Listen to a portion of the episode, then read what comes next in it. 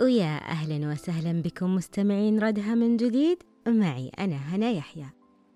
ما في أجمل من العطاء والإحساس بشعور الآخرين خصوصا لمن يكونون ذوي احتياجات خاصة. الحلقة هذه حلقة فريدة من نوعها الآن بيكون معنا ضيفة مميزة بطلة من أبطال ذوي الهمم. أخاف إني أوصفها وأجحفها للأمانة وما أعطيها حقها. لذلك أبخليها هي تعرف عن نفسها. تعالوا نشوف من هي سحر. السلام عليكم ورحمة الله وبركاته. آه، أنا اسمي سحر الغامدي تخصصي إعلام علاقات عامة. آه، شكرا لكم على إتاحة الفرصة لنا أن نوضح عن القناة الخاصة فينا ونوعي بأهميتها. وبإذن الله يكون البودكاست الخاص فيكم وسيلة لنشر هذه القناة والتوعية بأهميتها. طبعا أنا تخصصي إعلام علاقات عامة. آه، أنا كنت أتمنى صراحة أني أدخل تخصص آه، رياض أطفال أو أي تخصص يرتبط بالطفولة المبكرة لكن بحكم الإعاقة البصرية الجامعات ترفض هذا الموضوع. فتخصصت إعلام علاقات عامة وسعيت أنه يكون تخصصي وسيلة يعني طرح قضايا ذوي الإعاقة البصرية وخاصة المجال التأهيلي ومجال الطفولة من ضمن اهتماماتي. يعني حتى ما أعتبرها من اهتماماتي من الأولويات عندي. ف قبل ما أتخرج بفترة بسيطة على طول قررت أني يعني أبدأ جاهدة في فتح هذه القناة. طبعا لأن عندي هوايات تقنية. أحب المونتاج وخاصة المونتاج الصوتي. أحب التقنية أحب أستخدم الأجهزة وهالمجرة فالحمد لله يعني يعني تيسرت أمور كثيرة. الشغف مع المهارة. هذه نبذة بسيطة عني يعني. سحر وش اللي خلاك تعزمين القرار بإنشاء قناة الكفيف الصغير؟ وكيف بديتي؟ طبعا بالنسبة لقناة الكفيف الصغير آه، هي في البداية كانت آه، مجرد جروب مجموعة على الواتساب. آه، كثير من الأمهات كانوا يتواصلون معي لأني كنت يعني معروفة عند أغلب أمهات الأطفال المكفوفين. خاصة أني اشتغلت فترة مع جمعية كفيف. فكنت دائما أسأل الأمهات عن أطفالهم وكذا فبدأوا يفضفضون لي يعني أنه إذا لاحظوا على أطفالهم اختلاف مثلا بينهم وبين أقرانهم وهلم جرة فبدينا من هذا المنطلق أن الأمهات كانوا يتكلمون وأبغى أشوف طفلي هل هو طبيعي ولا لا.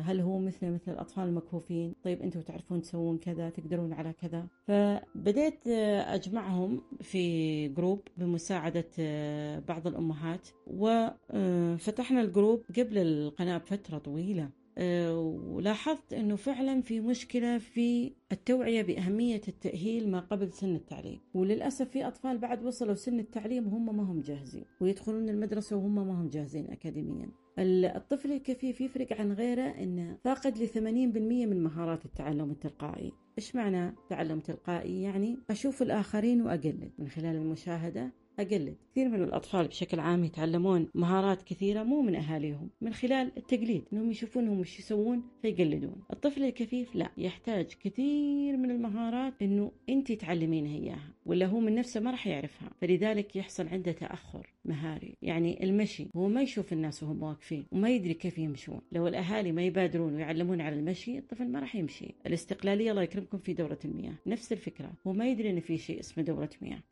ما راح يتعلمها من نفسه. حتى اللغة المهارات اللغوية النطق والتخاطب حتى والطفل يسمع. هو ما يعرف كيف الآخرين يتواصلون مع بعض. فيقول لك من الأشهر الأولى ضروري أن الأم تخلي الطفل يلمس وجهها ويلمس شفايفها ويعرف من وين مصدر الصوت. ضروري يصير في حوار ووصف وشرح دائم لتفاصيل اليوم. حتى الطفل يعرف يربط الأحداث بالكلام اللي إحنا قلناه. فالطفل الكفيف غير عن أي إعاقة يحتاج إلى تأهيل ما قبل التعليم وللأسف هذا الشيء ما هو موجود. حتى وإن كان في الآن برامج تدخل مبكر ما زالت خجولة واجتهادات وما في برنامج يعني ثابت واضح أنه هذا خاص بذوي الإعاقة البصرية. عشان كذا يصير عندنا مشكلة اللي هو يسمونه تعدد إعاقة. أن الطفل تكون مهاراته الإدراكية أقل من عمره الزمني لأنه ما تم تدريبه. وأنتم عارفين أغلب الأهالي الآن منشغلين عن أطفالهم. يعني غالبا تكون الأم والأب موظفين. فيفترض إنه ما يصير في مقارنات بين الأجيال الحالية والأجيال السابقة. ولازم فعلا فعلا نبدأ نلتفت لموضوع التأهيل. وما نعتبره يعني إنه شيء آه، يرجعنا للخلف سنين. بالعكس التأهيل هذه حاجة أساسية. إذا بغينا طفل واثق من نفسه وطفل آه، يدخل التعليم وهو جاهز طفل مستقل التأهيل أهم نقطة. فبصراحة من هنا بدأ الموضوع لأن أنا بديت ألاحظ ان في مشكلة. يعني أطفال كثير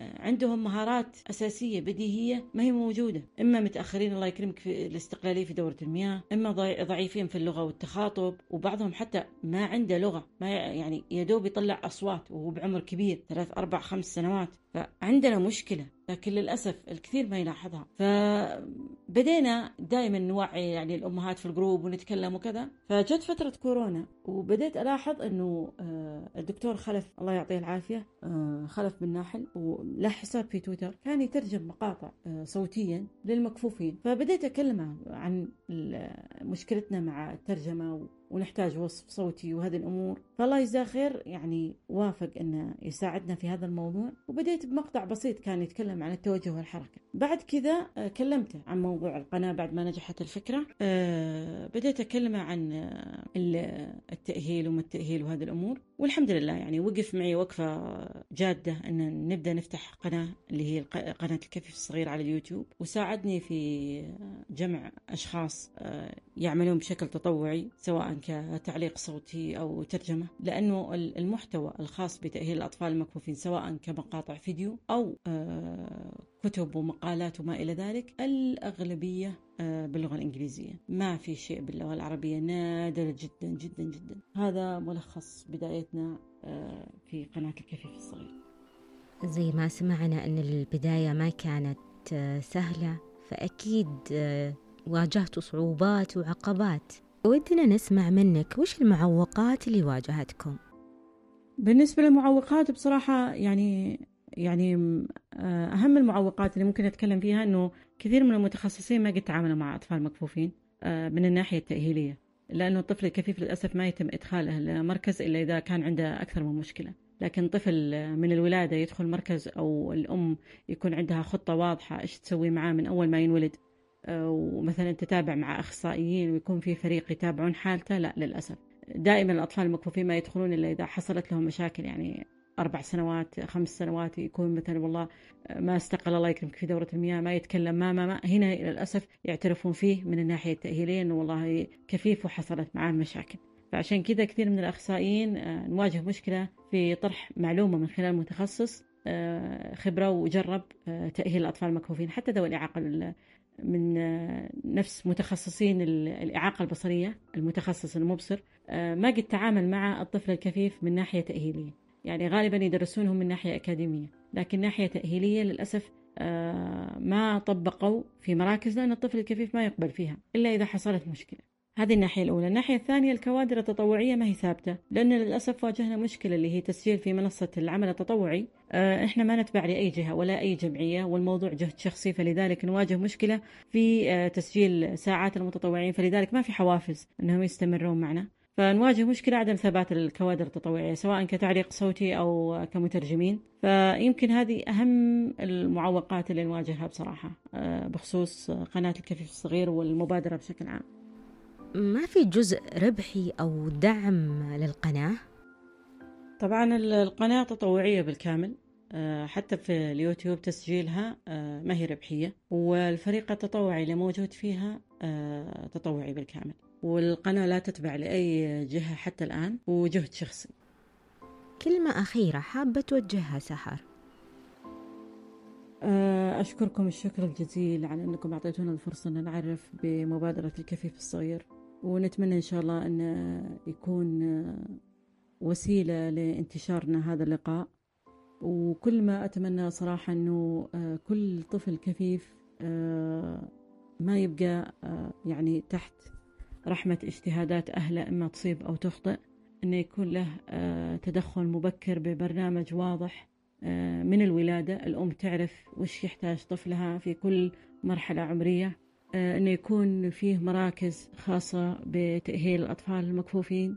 وكل خريج يتخصص في مجال تأهيلي إنه يقدر يطبق في هذه المراكز ويجرب التعامل مع الأطفال. أتمنى كذلك أنه يكون آه، المجتمع مساهم معنا في آه، التوعية بأهمية أطفال المكفوفين. حتى لو ما كان عندك طفل كفيف آه، نتمنى أنه تتكرم علينا بمشاهدة أي مقطع من مقاطع قناة الكفيف الصغير حتى تكون وسيلة في انتشار المقطع هذا على الصفحة الرئيسية أنه تشتركون معنا. إحنا المحتوى العربي الوحيد اللي يتكلم عن الأطفال المكفوفين بشكل موسع وبتفاصيل ما تطرق لها أي أحد. ونتمنى إن شاء الله أنه نجد المزيد من الدعم سواء بالتفاعل آه، على القناة أو حتى على حسابنا على تويتر. وكذلك آه، أنه يكون للطفل الكفيف صوت آه، يوصل للمسؤولين أنه بحاجة إلى تأهيل. وما ننتظر حدوث مشكلة أو يكبر الطفل في العمر وترفضه المدارس لأنه والله ما يتكلم أو غير مستقل في دورة المياه أو ما إلى ذلك. شاكرة ومقدرة للجميع. الشكر لك أستاذة سحر. وطبعا أحب أشكر الدكتور خلف اللي له مساهمة كبيرة في إنجاح القناة وكذلك المتطوعين اللي يخصصون جزء من وقتهم آه، عشان يخدمون القناة. قناة الكفيف الصغير تعني لي الكثير وعلى مرأى عيني أشوف كيف سحر والدكتور خلف والمتطوعين يتعبون فعلا في إنشاء محتوى آه، ذو فائدة ويطلع للناس بالشكل المطلوب. إن شاء الله تتحقق أمانيك سحر آه، وأنا متأكدة أنه أي فرد أو أي شخص بيسمع هذه الحلقة بيساهم في نشرها. وبكذا بنكون وصلنا لنهاية مشوار حلقتنا لليوم. لا تنسوا الاشتراك في القناة ليصلكم كل جديد. દમ થંભવે